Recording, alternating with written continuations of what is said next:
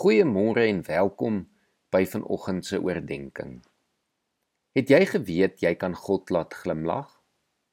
Ons lees in Genesis dat in Noag se tyd die hele wêreld moreel korrup geword het. Almal het vir hulle eie plesier geleef en nie om God te behaag nie. God kon op aarde niemand kry wat hom wou behaag nie. Dus was hy gegrief en was hy jammer dat hy die mens geskep het. God was so teleurgesteld met mense dat hy hulle wou uitwis.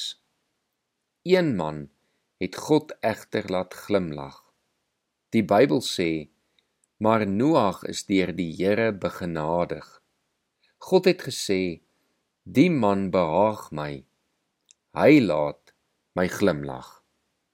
Ons kan baie by Noag leer oor hoe ons die Here kan laat glimlag. God glimlag wanneer ons hom liefhet.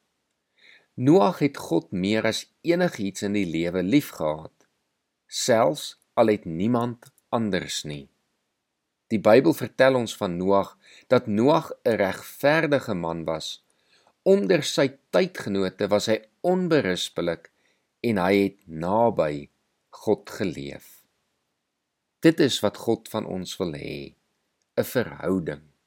Dit is die verstommende waarheid van die heelal dat ons Skepper 'n band met ons wil hê.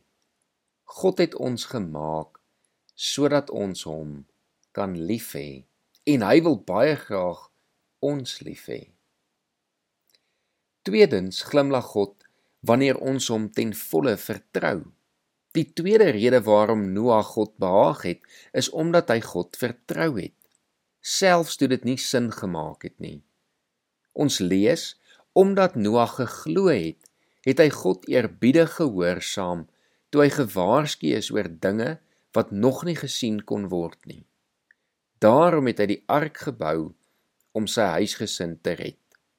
Sy geloof het hom 'n erfgenaam gemaak van die vryspraak wat deur geloof kom.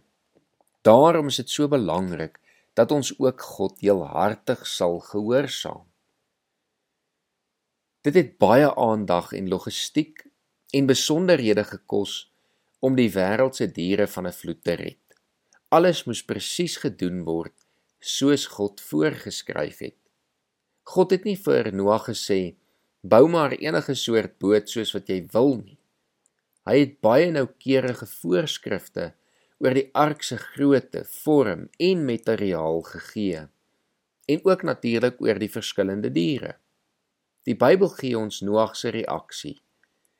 Noag het alles presies gedoen soos God hom beveel het. Daarom moet ek en jy, as ons God wil laat glimlag, ook dinge doen presies soos wat God dit beveel. Laastens, as ek en jy God wil laat glimlag, moet ons hom ook gedurig prys en dank. Min dinge is so lekker as om van iemand anders hartlike lof en waardering te ontvang. God is ook gaande daaroor.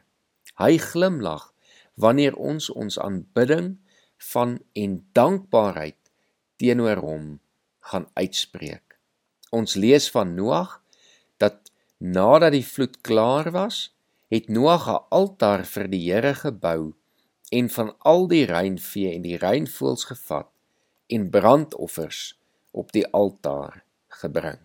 Natuurlik hoef ons nie meer fisiese offers te bring nie, maar die Bybel sê vir ons: "Gee julleself as lewendige en heilige offers wat vir die Here aanneemlik is."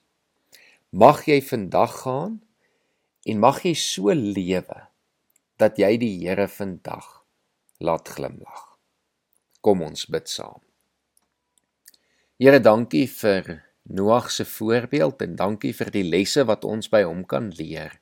Here, ons wil vandag U behaag. Ons wil so gaan leef dat ons U laat glimlag. Lei ons deur die Gees dat ons dit ook kan regkry. Ons bid dit in Jesus se naam. Amen.